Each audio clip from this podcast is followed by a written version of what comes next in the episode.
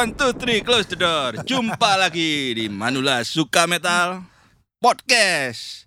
Cadas, beringas. Kok nggak langsung nyaut Om Samir? Saya Om Diki. Saya Om Samir. Gimana Om Diki? Saya punya preambul ini Om Diki. Nah, dengarin Om Samir punya preambul ya wis. Langsung deh. Saya ngikut ya wis. Iya Om Diki. Om Diki pernah eh, terlibat Nggak di pernah. tim olahraga? Nggak pernah. ya wis deh. Preambul selesai. Apa Om Samir gak usah kabek ngono lah. iya enggak. Saya kan kadang-kadang eh, kalau baca Hmm. berita olahraga itu kadang-kadang kasihan sama apa curhatannya orang-orang yang ada di bench yang orang-orang Oh, cadangan bench, cadangan, ya ya. yang melihat teman-temannya berjuang terus dia sebenarnya pengen main tapi Nggak diberi belum kesempatan. belum dapat kesempatan Iya. gitu ya kan itu kasihan gitu loh pemain cadangan ini iya kan Om Diki Iya, jadi terus kadang-kadang cuman kalau mereka diberi kesempatan ya enggak fifty fifty Hmm, hmm. ada yang ketika masuk spesialis Langsung cadangan kayak misalnya di sepak andil bola gitu ya. di sepak bola itu Hmm. ada yang spesialis cadangan ketika dia masuk memang eh, timnya berubah jadi lebih baik mainnya Iya. tapi ada yang malah kadang-kadang dia masuk itu nggak ada pengaruhnya nggak ngefek ya. gak ngefek ke Jadi tim lebih kadang malah lebih jelek Duduk di bangku cadangan terus aja nggak ada efeknya. iya kasihan nah a- eh, tapi saya saya nggak nggak mau bahas tentang Olahraga. olahraga Ya, kita ya. podcastnya Kita Manula bukan suka podcast olahraga Iya, iya bukan- kan masa Bukan Manula suka olahraga. olahraga. iya Manula jangan olahraga Om Diki bahaya Om. Harus olahraga tapi jangan berat-berat. Nanti cedera kayak orang ini. Pundak Iya. saya ini frozen shoulder. saya mau bahas tentang eh, bagaimana Hmm. vokalis pengganti betapa Oke. beratnya tugas mereka mengisi sebagai vokalis pengganti Oh gitu. dari vokalis yang sebelumnya Berarti gini, saya punya ide untuk kita punya mini seri lagi. mini seri lagi Iya. apa lagi kamu kayak Netflix eh aduh iklan Kan kita punya beberapa mini seri yang belum kita lanjutkan. Ini ada apa itu kita buat lagi yang baru lagi. apa Judulnya itu Biduan Metal. biduan Jadi biduan metal biduan metal tapi kita yang ini bahas yang idenya Om Samir tadi itu. Iya, iya, Khusus untuk yang vokalis-vokalis yang pengganti gitu vokalis ya. pengganti ya betapa Mm-mm. beratnya Jadi- tugas mereka ya Mm-mm. Jadi mini seri biduan metal yang episode vokalis pengganti. vokalis pengganti oke Iya. Om Iya. dulu Mm-mm. eh, waktu saya masih remaja atau kecil gitu ya dengerin musik metal terus suka sama personel personilnya Iya. ketika personilnya ada yang diganti terutama Ganti. terutama vokalis. Ya, karena vokalis memang kayak jadi center pointnya. iya ya. center pointnya Mm-mm. band itu kan bagaimanapun juga adalah vokalis ya Iya. kalau vokalisnya ganti tuh rasanya kecewa berat Iya. ya kan Seakan-akan- meskipun kadang-kadang mungkin eh, secara kualitas sebenarnya Penggantinya vokalis sebetulnya pengganti juga ini ada yang lebih bagus ya, daripada ada yang lebih bagus atau mungkin sebenar paling enggak setara lah.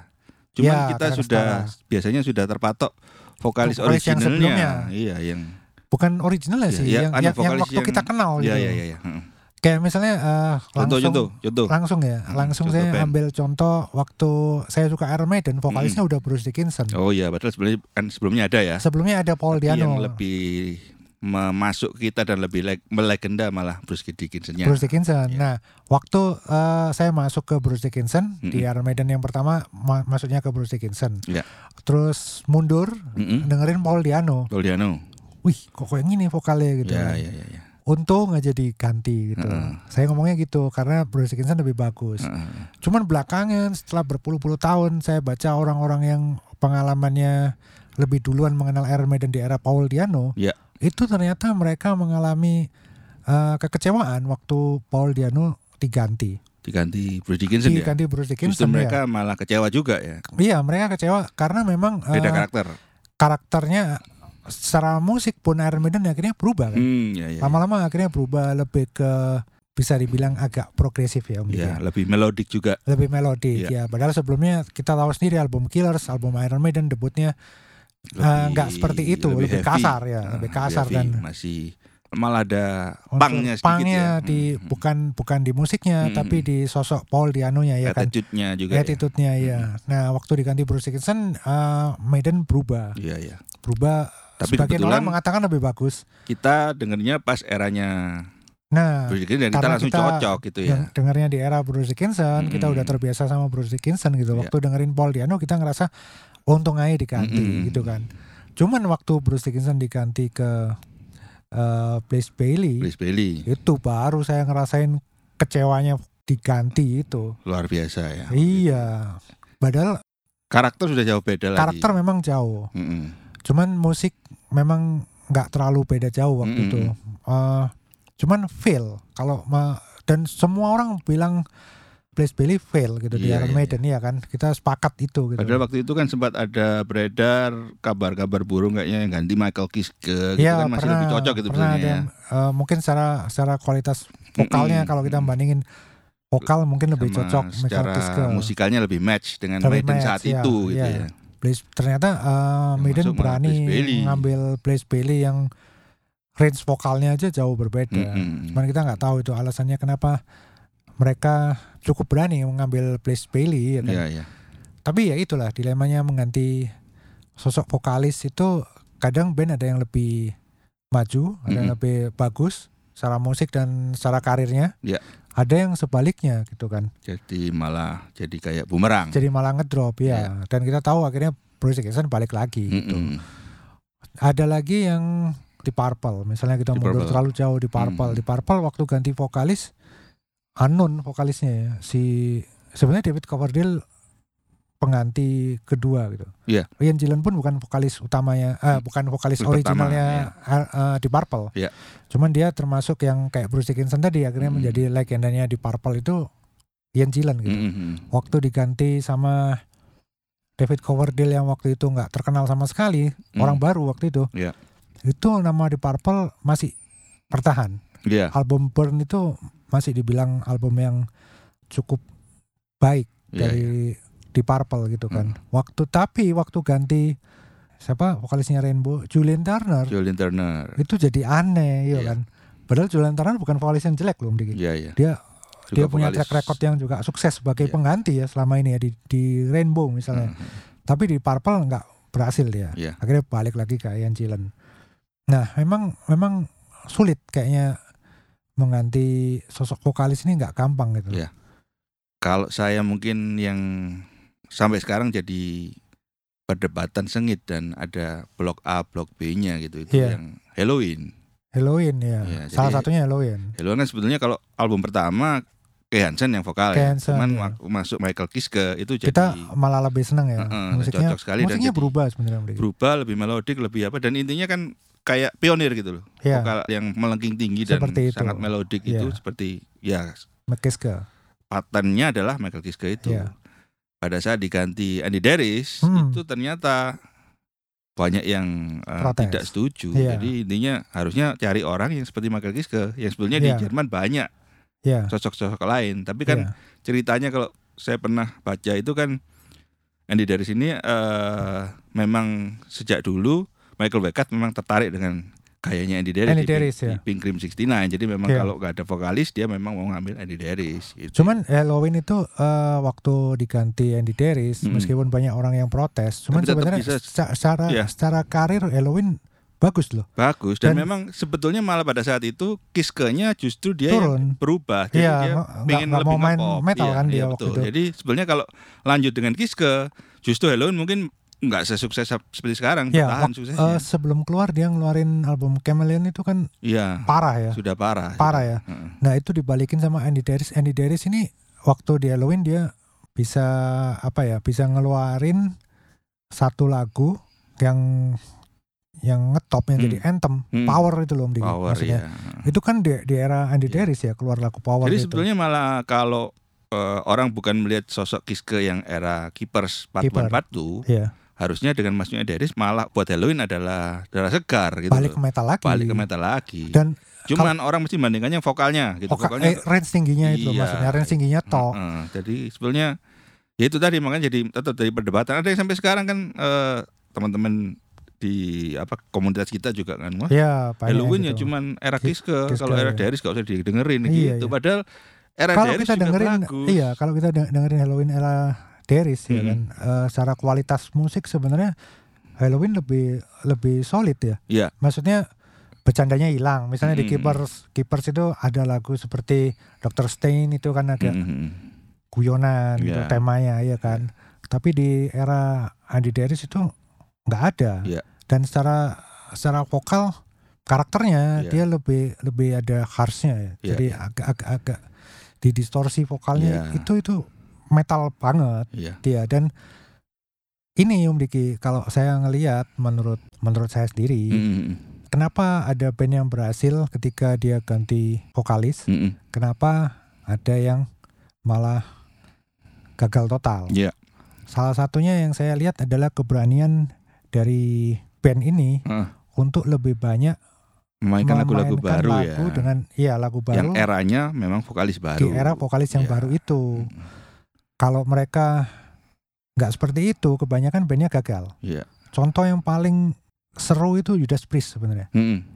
secara Hmm. kualitas Ripper si Owens ya? Ripper Owen itu suaranya nggak Hmm. jauh beda sama Rob Halford ya kan Meskipun Karena dia secara memang- sosok memang dia masih jauh ya dibandingkan karena dia legendnya. masih junior Iya, waktu iya. itu Hmm. ya kan kalau dia dikasih waktu misalnya Mhm.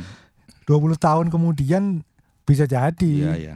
sosoknya berubah ya kan karena dia waktu itu masih berapa tahun aja kan di Mhm. Judas Priest ya Iya. nggak mungkin bisa ngalahin apanya ya sosoknya Mhm. tapi secara vokal maksudku Iya. secara vokal sebenarnya dia total masih bagus. sangat ya. bagus. Beda sayangnya Judas kasus Priest Maiden tadi ya. Ini ini Iya, sebetulnya iya. secara kualitas musisinya, vokalisnya sebenarnya bagus setara, setara setara ya ya. setara Mm-mm. secara suara dia itu Mm-mm. benar-benar bisa menjangkau range-nya Rob Iya. Halford ya kan si Ripper Owen itu waktu Mm-mm. membawain lagunya Rob Halford Judas Priest era Rob Halford dia sanggup Mhm. bagus banget Iya. sayangnya ya itu mereka keluarin dua album tapi malah jarang dibawain di konsernya Iya. Lagunya lama-lama jadi Lagunya orang tetap tetap ingetnya teringat Rob Halford Rob sosoknya Halford, ya kan iya. apalagi itu udah senior waktu Iya, itu iya, waktu digantiin beda kalau Judas sama Judas Priest sama Iron Maiden tadi kalau. Iron Maiden secara kualitas sebenarnya Blaze Bailey juga Mhm. sudah parah Iron Maiden masih nekat bawain lagu lama nggak bawain lagu-lagu eranya Blaze Bailey atau sebenarnya Paul Diano bisa dibawain sama Blaze Bailey Iya. itu kalau Iron Maiden lakuin mungkin ceritanya beda om. Iya. yang Kalau- sangar ya itu Halloween sama sama Van Halen sebenarnya om. Van Halen ya. Iya. Van Halen Van Halen itu berani dia menghilangkan Hmm. era David Lee Roth gitu waktu diganti sama Sammy Hagar kan nah itu terbukti berhasil gitu loh Iya. Tapi memang kalau Van Halen kan vokalnya memang style beda ya. Cuman Beda jauh dari segi itu. sosok memang bisa menggantikan jadi jadi beda kayak jauh sebenarnya beda jauh se- dari segala itunya ya. semuanya beda jauh itu jadi itu memang yang satu juga. gimana ya. yang satu gimana ya kan Karena ini kalau tadi Van Halen yang lebih mainstream gitu ya. Saya ada contoh satu band yang underground. Oh iya Mungkin Om Samir masih ingat ada band thrash dari Inggris, Sabat. sahabat ton Nah, Sabat kan punya bukan Sabat. Eh, iya iya Sabat. sahabat Sabat itu kan punya dua album yang eh, vokalisnya masih Martin Walker. Tapi stylenya waktu itu thrash yang unik, vokalnya juga unik, tema-tema yang diusung itu juga unik. eh, Iya, iya. Kayak apa Celtic Celtic gitu, pokoknya intinya sejarah-sejarah Inggris lah kuno gitu. Hmm. Style thrashnya itu unik. Eh, kemudian ada perselisihan Martin Walker-nya keluar, dia Kelu- bikin band iya. sendiri yang Skyclad itu. oh iya sih Terus sahabat Dari itu, Sahabat sahabat ini di situ kan ada si Andy Snip yang sekarang juga Di Judas Priest. Judas Priest. Nah, dia rekrut vokalis baru yang stylenya melodic, progresif melodic waktu itu. Berarti beda namanya jauh sama si Beda jauh. Hmm. Tapi sebetulnya album itu kalau saya dengerin keren. Jadi Hmm. albumnya modelnya kayak Sanctuary, kayak Nevermore Iya, gitu. iya, Tapi gagal total karena orang Karena- berharap sahabat yang seperti dulu. iya iya. Jadi cuma diberi kesempatan satu album itu iya nggak mungkin ada, ya bisa, satu nggak album bisa itu nggak mungkin nggak bisa Jadi, jalan. apalagi sahabat cuma punya dua album ya dua album yang buat perbandingan ternyata trash yang ada eh, Martin Walker itu lebih di, diminati. Diminati pasti. Waktu ganti melodik yang leb- sebetulnya secara musikal mereka step up lebih bagus Hmm. tapi sama sekali total gagal total. Jadi Iya, memang- sampai bubar akhirnya. memang butuh waktu sebenarnya Hmm. iya kan? Mereka butuh waktu untuk meyakinkan si fans yang udah Iya. kadung pasti melekat lah yang iya pertama Apalagi kali dia mereka dengan- dengerin pasti melekat dengan style yang berubah itu kan mereka bawakan lagu lama pun juga kesulitan dengan Iya, style seperti iya, itu Ya, nggak itu mungkin. akhirnya jadi bumerang buat sahabat cuma tiga album selesai bubar ya Iya. sahabat itu Waktu Iya, mereka reuni pun sudah bukan vokalis melodik lagi, balik lagi ke Martin Walker meskipun Oh, iya. belum belum rekaman sampai sekarang. Nah, Me- Metal Church itu termasuk yang berhasil? Iya, Iya kan Itu yang- diganti siapa yang sudah meninggal terakhir Mike Ganti-ganti vokalis itu berapa kali mereka bisa jalan terus. bisa jalan Mm-mm. dan musiknya sebenarnya waktu Mike Howe kan juga berubah sebenarnya mm. lebih lebih heavy metal lah Iya. intinya gitu nggak dulu segelap yang lebih trash ya. ya nggak segelap yang dua album pertama ya kan Iya. tapi mereka cukup malah lebih berhasil di zamannya Mike Howe Iya, iya kan betul betul. itu metal jazz Tapi sudah meninggal dua-duanya itu vokalisnya. David Wayne meninggal Iya, Mike Howe meninggal dia. metal jazz meninggal Lo enggak, kalau metal church-nya belum ada kan terus. vokalisnya belum kan Sekarang nggak ngikuti saya. Belum ada ada, penggantinya. belum Iya. Tapi ada. mereka sempat ada era pertengahan yang Mike Munro itu juga jalan terus kan. ya ya tapi kan terus balik Mike Howe Iya, lagi iya, kan iya, iya. Terus Itu Om Diki eh, punya punya rasa yang sama nggak waktu ada band favoritnya yang diganti vokalis kayak apa kayak Sama juga sih. Kalau saya ini masih kita di ranah thrash metal ya. Yang saya merasakan waktu diganti vokalis saya nggak nyaman. Itu Exodus. Exodus dari era Baluf ke Kalau Balov ke siapa namanya itu? Sus- Steve. Steve Souza itu Iya. hampir kayak 11-12. Iya sama ya. Karena model orangnya pun juga Itu kayak- cetakannya sama. kayak vokalisnya ACDC. Iya, Jadi Brian, apa eh, waktu diganti Brian Johnson itu hampir Hampir mirip ya. nggak nggak nggak nggak kerasa iya. berubah gitu ya. Dari Balov ke Souza itu dari sosok tampilannya, casingnya aja hampir mirip. Hampir mirip Ya, ya. iya, itu iya. nggak ada masalah. Saya yang waktu ganti eh, era Exodus dia yang comeback kemudian ada vokalis gundul itu sampai jenis Iya, sampai saya juga lupa namanya karena kurang serk waktu itu. Kurang Jadi masuk betul. Saya dari- semua itu albumnya dari segi sih. vokal oke dia eh, vokalis trash yang bagus. apa ya cukup bagus lah. Tapi Ah. intinya nggak nemu style Soalnya yang kayak Exodus ya. eh, eh, yang kayak apa Cemeng cemeng kayak Mickey Mouse tapi Iya. versi ACDC itu nggak nemu dia. iya. Dan dapet. tampilannya dia juga casingnya nggak Beda kurang- jauh. Iya, kurang kurang ba- kurang apa ya? Kurang sangar lah. Iya. Kayak memang dia kan kru. oh Ya, itu kru. kru. Jadi itu kru gitar itu. Jadi saya Hmm. sempat waktu lihat dari terbayang terus bahwa ini ini krunya gitu loh karena Iya iya. kayak bukan frontman-nya gitu loh. Iya. Eh, wibawanya juga kurang. Saya Meskipun skip semua itu. kalau dari rekaman yang dia sempat ikut beberapa studio album bagus sebetulnya. Cuman pada Sebenarnya saat ah, ya si Exodus kan memang musiknya sudah Mm-mm. paten, Paten, bagus. iya. Cuma tinggal vokalisnya tok ini. Mm. Tapi sekarang sudah Accept balik itu lagi. bagus Om Diki. Balik Steve. Souza lagi sudah bagus itu. Iya, saya senang itu balik lagi. Accept, oke, sekarang Accept itu, Accept. iya. Mm-mm. Udo ke vokalis yang penggantinya juga pernah ada vokalis pengganti tahun Hmm. 90-an. Itu asepnya memang berubah, Hmm. ke asik. Tapi waktu ganti yang sekarang ini Mm-mm. itu 11 12 sama Udo sih. Iya. Karakternya mirip lah. Ma- masih bisa dibilang mirip. Eh, apalagi Om Diki yang yang menurut Om Diki Yang paling Mengganggu. mengganggu. kalau saya bukan mengganggu dalam artian ini ya. Nah, Kalau tadi kan kayak Exodus tadi saya ilfil kalau lihat vokalis yang baru, ya. vokalis penggantinya. Ini Tapi itu saya termasuk berhasil nggak waktu secara karir bandnya? sebetulnya berhasil. Cuman Termasuknya berhasil ya. iya, jadi Dia- Bisa Ini- bisa diterima ya. menurut saya mirip-mirip kasus yang terjadi di Anthrax. Oh iya, Anthrax Anthrax waktu dengan ganti. waktu digantikan John Bush, Heeh, beda karakter, tapi Iya. eh, secara karir mereka tetap stabil. tetap stabil meskipun Cuman- pada akhir-akhirnya ya turun juga. Ah, ini tapi dia akhirnya pengen balik lagi ke awal, begitu basic balik lagi ke Joe Belladonna. Dan Sebenarnya gitu. Joe Belladonna juga vokalis kedua Om Diki. Oh iya, yang dulu yang ada ada sa- satu lagi Neil, Neil vokalisnya Turbin, Neil Neil Turbin, ya. iya. Dan Cuma masih satu. aktif loh itu orangnya. Iya. Neil Turbinnya. Cuman kalau Anthrax tuh mirip kayak ini Exodus itu. Jadi mungkin dia sesudah evaluasi masih bisa jalan, tapi kayaknya lebih meledak lagi kalau pakai vokalis yang Dan musiknya eh, ya ini mak- makanya eh, saya punya punya opini kalau mau berhasil ganti vokalis Mm-mm. jangan sampai musiknya nggak berubah. Iya. Terutama kalau kita dapat eh, mereka dapatnya vokal yang karakter range dan sebagainya itu jauh Iya. berbeda sama vokalis yang sebelumnya. Iya, iya. Kayak kasusnya misalnya Joe Belladonna ke John Bass itu kan vokalis yang berbeda sama sekali ya. Iya, Dari sudah- semua sisinya berbeda gitu. Makanya Anthrax kan berubah di Mm-mm. Sound of White Noise itu dia eh, musiknya nggak seperti Anthrax di era Joe Belladonna kan? Iya. Nah itu kunci kalau buat saya akhirnya jadi kunci oh kalau mau berhasil ganti vokalis yang beda Mm-mm. yang nggak copycat sama vokalis yang sebelumnya Iya. itu harus eh, berani mengubah musik juga Heeh. arah musiknya beda. Iya, Anthrax karena memang- termasuk yang berhasil ganti vokalis dari Joe Belladonna kan John Bass. Dia berhasil karena dia berubah Ya, waktu musiknya. itu memang eh, saya pernah baca Scott Ian memang sengaja itu karena pada saat itu era era pada saat mereka mengganti itu style yang eh, versi vokal yang Joe Belladonna yang melodik itu pas Iya. nggak nggak diterima pasar. Nggak diterima pasar Jadi kan lebih ke ya. yang harsh, lebih ke lebih harsh atau lebih heavy metal biasa. Ya, nggak ya. terlalu melengking-melengking. gitu. Ada lagi Nam Diki. Ya.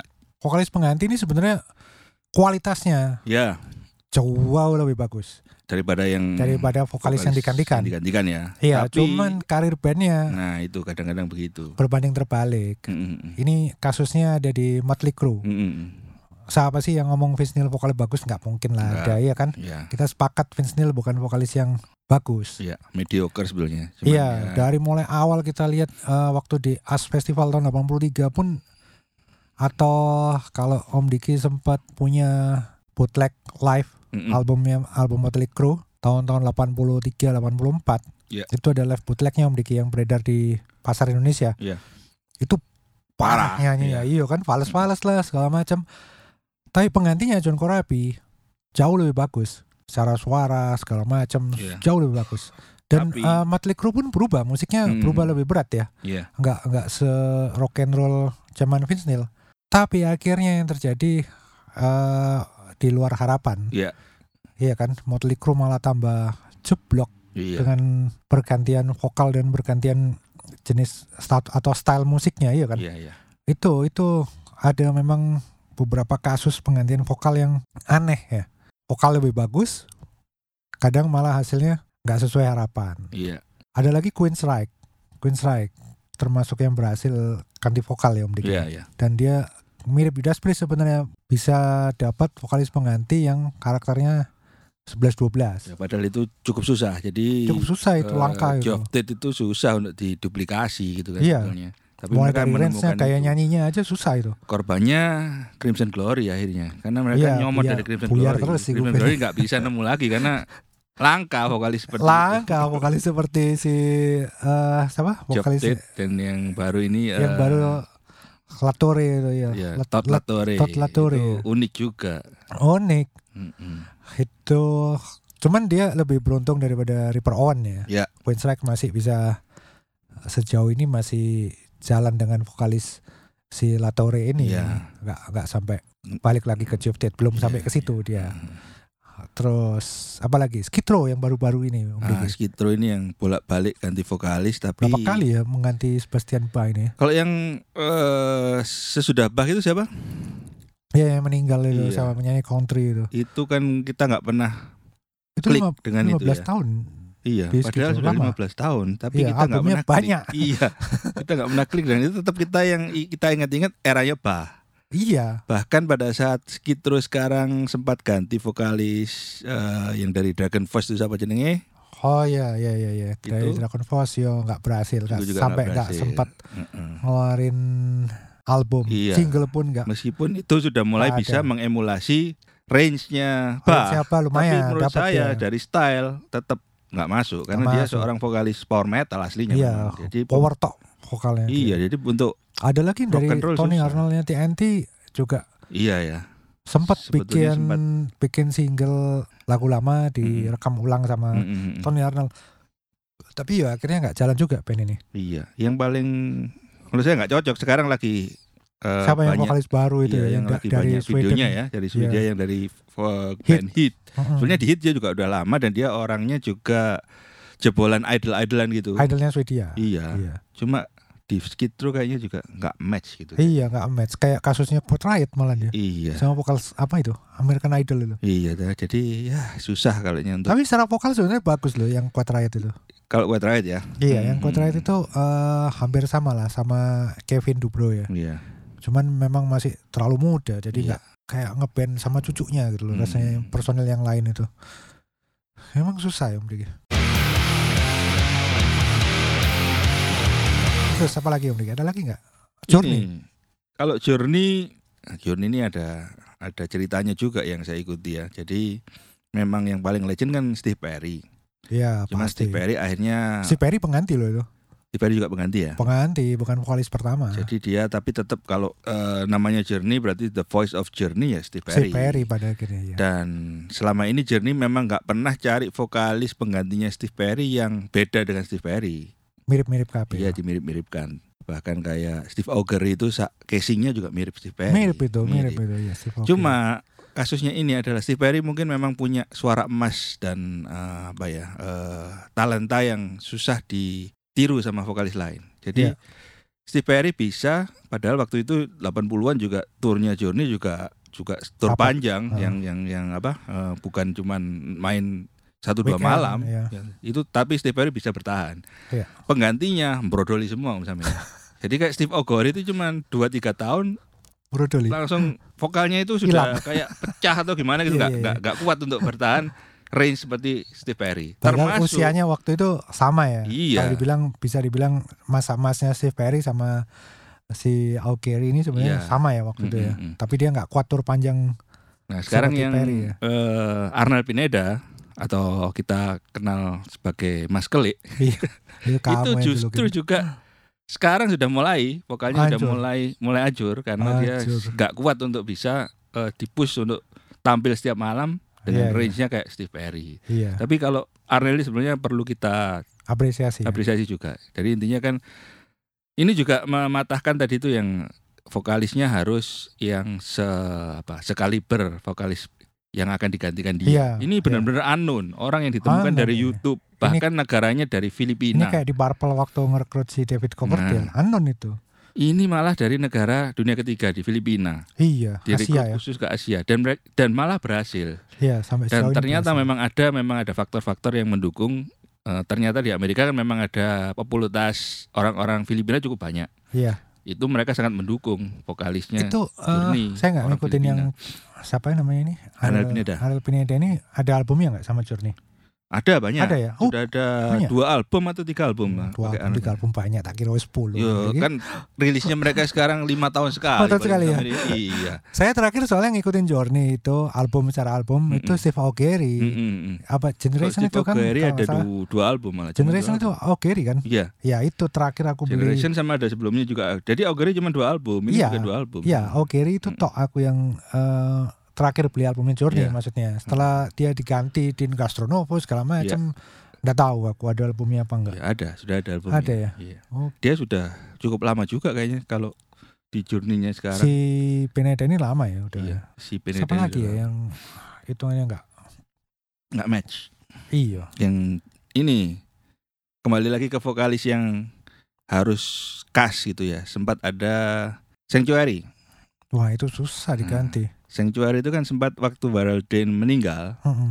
mereka kesulitan nyari. Jadi sempat sudah Pasti. dipikirkan mau bubar aja, nggak susah. Jadi kayak kasus Crimson Glory itu. iya Warren Warren Sanctuary dulu sih selesaikan. kan ternyata mereka nemu vokalis sekarang. Sudah nemu Masa? vokalis. Sudah. Iya, Oh, iya. sudah menemukan vokalis yang bisa menggantikan Warren Ten Baraldane. tapi Warren Ten itu Tapi leader ya. secara tampilan pun kayaknya memang ya nggak bisa digantikan lah.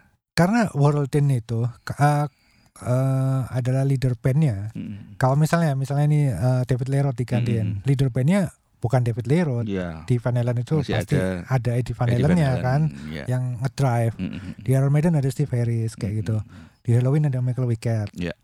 nah kalau di Sanctuary gak ada Om Diki Iya. Jadi Ya ada ada gitarisnya itu sebenarnya. Cuman ya dia memang lebih lebih ke songwriter. lebih ke songwriter kan bukan bukan frontman-nya. leadernya gitu kan Iya, iya.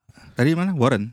Warren Om Diki Warren ini Oh Warren meskipun yang, iya, iya, Jenny iya. Lin ini bisa dibilang apa ya lemah misalnya secara vokal pol- ya, menurut saya ya, sih ya. lemah. Ini mirip-mirip kayak Paul. Stanley stylenya. Paul Stanley oh enggak lah Paul Stanley ya susah diganti loh iya, tapi ini model-model yang hard rock yang biasanya vokal powerful, melodic, ini kan enggak biasa-biasa aja. gitu. sebenarnya eh terkesannya biasa-biasa aja Om Diki Mhm. cuman coba eh, Om Diki ngikutin dia nyanyinya ya. itu eh, termasuk kalau buat saya heeh. ini nggak nggak terlalu muda Punya, punya ciri khas gitu ya. bukan ciri khas Om Diki dia dia itu karena dia songwriting Hmm, hmm, jadi dia betul-betul tahu di mana letak vokalnya dia hmm. bukan gitarisnya yang songwriting dia Hmm. cuma nyanyi tok itu Hmm. enggak si si siapa ini Yani Len ini Yani dia bisa main gitar Ya. kan Jadi makanya dia ngeletain vokalnya itu susah-susah Om Diki letaknya Hmm. itu kalau buat saya dengerin terus tiruin nyanyi gitu kan. Hmm. Dia memang bukan vokal yang kalau mau ngomong masalah power misalnya. Enggak, enggak. Hmm. Dia nggak ngandalin itu. Yang penggantinya ini kan lebih lebih power ya. Iya. Malah kalau nyanyiin lagu Warren yang era Yenny Lane Iya. kurang enak didengarnya, terlalu kasar terlalu gitu loh. powerful. ya. Terlalu kasar Hmm. dia nyanyiin lagu-lagunya Ye- Jenny Lane itu. Iya. Itu termasuk yang bisa dibilang sedikit gagal sih. Iya. Si Warren meskipun bandnya tetap berjalan ya sampai Iya. sekarang ya, tapi nggak nggak ngangkat. Ada satu Om Samir yang hard rock juga kebetulan deket agak deket kita dari Jepang, Loudness. Oh, itu yang sempat kene. Bukan. Deket dengan kita semua. Loudness ini kan sempat eksperimen juga inti eh, Oh, iya, iya, eksperimen da- dia Ganti mengganti vokal Amerika, ya? vokalis vokal dari Amerika style yang beda sekali Sama- tapi tetap jalan eranya Sa- itu sayangnya ya cuma eranya sedikit ya albumnya. Mas Veskara Mac- itu ya. Jadi, iya. Loudness yang eranya Minoru Nihara dulu sama Minoru Nihara yang sekarang dan ada pertengahan mereka waktu eksperimen dengan Max. Veskara itu tetap dahsyat Oh, dasar. cuman beda style Ya, nah itu Hmm. makanya cirinya di mana itu? musiknya harus Akira Takasaki Om Diki. oh iya kuncinya. Mm-mm. Dan eh itu Loudness sebenarnya dipaksa kan untuk Mm-mm. ganti vokal ke Mm-mm. Amerika supaya marketnya dapat Iya. gitu kan. Dan Veskara memang vokalis yang waktu itu saya nggak nggak kenal Veskara, Veskara belum, dulu belum ada- pernah saya pernah waktu zaman kaset ada kasetnya Obsession namanya bandnya sebelum ke Loudness kamu sudah dengar dulu Sudah Mas, dengar, ya? Oh, sudah. saya belum pernah dengar Veskara di eh, sebelum Loudness band lain itu ya di band lain ya. Mhm. Jadi dengarnya langsung di Loudness. Wih, vokalnya memang keren beda jauh tapi keren dan Mhm. secara musik akhirnya eh, memang lebih ke Amerika kan Iya, waktu iya. itu ya. Mm. nggak terlalu nggak nggak terlalu nggak terlalu loudness ini kan kalau ada, buat saya iya ada warna-warna dulunya Rush campur Van Halen Iya. kayak gitu kan sama ada warna-warna timurnya juga Mm-mm. Iya. yang di situ kan hilang Mm-mm, mm-mm, di di albumnya Veskara Soldier of Fortune ya, Mm-mm. sama On the Prowl mm-mm. On the Prowl keren loh itu sebenarnya Iya. cuman kenapa kok flop banget flopnya sebenarnya nggak nggak terlalu sih. Cuman intinya kan mereka sempat ada ya dua era yang tetap sama-sama dahsyatnya. Cuman ke mereka kembali ke basic lagi. Dan Niara susah loh nyanyiin lagunya si Iya, Veskara karena waktu Soldier Fortune ini dia Iya. susah loh nyanyiin lagu itu. Iya, iya, nggak iya. nyampe dia. Yang asik itu Ingvi Malmsteen ya. Ganti vokalis terus. Iya, nggak penting kalau buat Gak penting ya. Gak penting Kalau buat. Ingwi nggak penting vokalisnya. Iya. Musiknya tetap Apalagi ya? Vokalis-vokalis ini ya.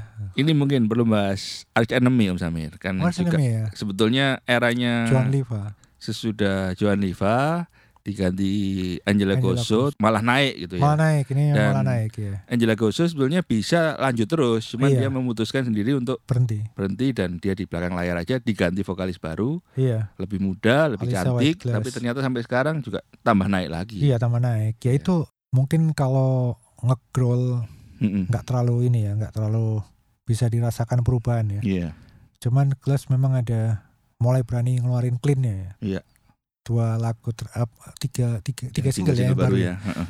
itu cuman ya kuncinya tadi ada di gitarisnya Iya. si Michael Emmett itu masih pegang kendali musik Iya. jadinya nggak nggak terlalu pengaruh ya jadinya Mm. masih masih kuat itulah memang ganti vokalis harus harus jeli Ya, dan nggak cuman nggak ganti cuma vokalis nostalgia aja. iya. jangan sampai tetap nostalgia harus vokalis yang baru bisa nyanyiin Mm-mm.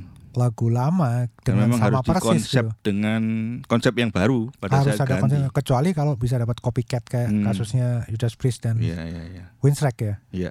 Cuman itu yang dapat copycat ya. Kesulitan. Ada lagi nggak? Eh, saya ada beberapa band yang punya vokalis melengking-melengking tinggi itu memang kesulitan untuk ganti vokalis. Sulit ya. Iya. Terutama kalau vokalnya wis Sudah jadi icon band. Hmm, meskipun hmm. bukan leader tapi ikonnya band gitu. susah itu jadi. Susah. Ya itulah yang apa lagi ya? Ada lagi nggak ya? Kalau dari band-band hard rock mungkin yang banyak ganti-ganti vokal yang Paling mungkin sering ya. balik lagi ke Van Halen mungkin ada satu vokalis yang paling Oh. nggak match ya yang Oh iya, yang vokalisnya ekstrim itu yang ekstrim. masuk ke Van Halen nggak diberi kesempatan cukup Banyak. akhirnya dia Sebenarnya kalau saya pribadi Hmm. waktu diganti sama Jerry Siron. Jadi Sharon Iya. ya Ini ini ini ini opini sih, opini Mm-mm. saya sih. Waktu waktu diganti Jerry Seron sebenarnya Van Halen juga sedikit geser loh musiknya Mm, mm, mm. dari era Sammy Hagar. Iya. Nggak terlalu jauh, Tapi eh, geser sebenarnya kalau kita dengerin secara full albumnya ya. Dan ternyata eh, Jerry Sheeran ini sebenarnya konon katanya terlibat di album Balance. Makanya agak beda kan Balance Ya, ya, sama For Unlawful Carnal Knowledge ini agak berbeda sebenarnya Ya. kalau kita lihat. Nah, di album Van Halen 3 kalau buat saya Jerry Sheeran ini sebenarnya cukup berhasil untuk menggantikan posisi Sammy Hagar masuk akal banget karena orangnya mampu menyanyi na- nada setinggi Hagar Mm. Uh, dia punya vokal yang bagus si Hmm. Jerry Sheeran dan dia juga punya kemampuan untuk bisa nyanyiin lagunya si David Lee Roth Iya iya iya. Beda kayak Sammy Hagar kan agak agak susah gitu Iya. nyanyi kayaknya David Lee Roth ya di panggungnya juga agak meliuk-meliuk gitu Iya. kan si Jerry Sheeran ini Cuman memang kan ini Jerry Sheeran itu kan Jerry Sheeran ini punya band sendiri ekstrimnya dia juga sudah ikonik di situ. iya terlalu Pada melekat saat ya. dia tampil di Van Halen ada kita ingat-ingat oh ini ekstrim agak seperti ekstrim. ya kan panelannya jadi mirip Mm, mm. agak Jadi pernah lihat live-nya Van Halen. nggak di, di di YouTube YouTube pernah lihat Pernah ada saya pernah lihat nonton di DVD-nya juga. 95, Iya. iya. Bagus loh sebenarnya Iya. Jerry Sheeran Cuman memang kayaknya gak diberi kesempatan gitu loh. Iya, Mm-mm. albumnya kurang banyak. Tapi keren album Van Halen 3 buat Mm. saya ya Om Diki ya. Keren itu, bukan bukan album yang harus disingkirkan dari koleksi gitu. Iya iya iya. Ada lagi Om Diki? Apa om sebenarnya? Kayaknya cukup ya. Cukup ya. Masih banyak tapi mungkin Masih banyak. kelewat ya. Karena kita memang tadi nggak pakai catatan kita ketemu Nggak bahas ini aja. iya. ya wis langsung aja gitu. Tapi poinnya ya itu Mm-mm. buat, buat kita poinnya Mungkin ganti nanti juga vokalis ini bahaya. pendengar kita mungkin ada masukan-masukan yang sempat kita kelewat ya tulis aja di Iya. komen-komen gitu. Boleh, ya. Nanti boleh. lain kali kalau ada episode berikutnya kita bahas tentang itu bahas tentang Iya, iya. kan kita masih punya episode lain yang biduan metal gini ya. Hmm, dan kita sebagai fans juga harus open minded kuncinya Iya, kita harus apa eh, menerima karena ini loh apa ya? Kalau dulu saya kecewa, Mm-mm. cuman kalau sekarang saya bisa ngerti gitu loh. Dan kita- keputusan. malah sesuatu yang menarik untuk diamati gitu loh Hmm, band ini ganti vokalis ternyata oh jadi musiknya digeser seperti ini Iya. kemudian lagu-lagunya jadi waktu live lagu lamanya dibawakan vokalis ini ada jadi beda itu Iya. kan jadi lebih menarik sebetulnya Iya, jadi ada iya, iya. memberi tambah warna Iya, dan pada akhirnya kayak misalnya yang kasus Iron Maiden itu kan Hmm. akhirnya Blaze Bailey sekarang albumnya, album Iron Maiden yang Hmm. bareng Blaze Bailey kan banyak orang mulai suka sekarang. Iya, padahal kan? dulu sangat dihujat karena Duh. mungkin mungkin sudah sudah sama sekali sudah buntu intinya ah ini sudah nggak cocok gitu loh. Padahal Iya. kalau didengerin lagi sebenarnya Iya, masih masuk Oke, untuk iya, album oke. studionya gitu masih ya. iya. Oke Untuk kalau album oke loh. kalau live memang dia dibandingkan Brody Dickinson memang nggak Tapi setara eh, gitu ya, ya. mak- makanya itu, makanya itu, eh, makanya saya punya kesimpulan bahwa harusnya Iron Maiden waktu itu lebih fair, lebih Mm-mm, berani. mm-mm. Nggak nggak nggak memaksa si siapa Blaze Bailey buat nyanyiin banyak lagunya Bruce Dickinson Iya, gitu. iya. Oke. Ya udah itu Om Diki. Heeh. Ya nanti kita masih punya episode lain tentang ini mini serinya biduan metal ini ya. Oke. Nanti mungkin kita punya yang paling simpel cuman vokalis-vokalis metal favorit kita. Iyalah yang tahu. Kemudian mungkin sisi-sisi lain dari vokalis metal kita Iya, bahas di episode-episode lain. Mungkin vokalis-vokalis tua yang masih Ya. oke atau yang masih Mm, Atau kita eh, bahas khusus bagus, yang yang vokalis-vokalis hancur yang tidak bisa digantikan misalnya gitu kan. Kan ada itu yang model-model yang kayak Bon Jovi. Masa bandnya namanya Bon Jovi vokalisnya ganti gitu. Iya, Coba nggak bisa bayangin, ya. kamu bisa bayangin nggak itu? Ada lagi Om Diki, iya itu. Misalnya God Bless ganti vokal gitu. Mm-mm. Kayak apa ya? Nah itu belum kita bahas ya. Oke oke. Terima kasih sudah mendengarkan kita. Kita nggak pakai rekomendasi ya. Rekomendasinya gini aja. Rekomendasinya apa? Dengerin dengerin yang di- tadi kita bahas. Banding bandingkan Ya, sendiri. banding-bandingkan eh, band-band Vokalis yang, punya yang- banyak vokalis yang Mm-mm. berganti vokalis. Mungkin kalau dulu langsung moh gitu. Coba sekarang Ya, didengerin. coba luangan waktu lebih lama Mm-mm. untuk mendengarkan vokalis baru ini Mm-mm. untuk membiasakan kuping. Iya, memang kuping kita udah terbiasa dengan vokalis yang Ya, ya. lama ya kan nggak mungkin semudah itu untuk diganti Tapi kupingnya justru ini. kalau sama sekali sudah di-cut, nah, Anda nggak bisa mendengarkan ini ya karya-karya baru mereka karena Iya, sudah ganti iya, iya. vokalis gitu kan. Iya, cukup ya. Iya, sampai jumpa Oke, di sampai jumpa episode di berikutnya. Jangan lupa tetap berikutnya. subscribe di channel YouTube, di Spotify, di Google Podcast, Mm-mm. terus komen-komen, kasih bintang. Ya, jangan, Jangan bintang lupa satu kirim-kirim makanan. Iya, kalau mau support lewat kirim-kirim transfer ya nggak apa-apa. Kok ngene? Iya balik ini ya. ya wis lah. Ya wis. Sampai jumpa lagi di Manula Suka Metal, Metal, Podcast, Cadas Beringas. Beringas.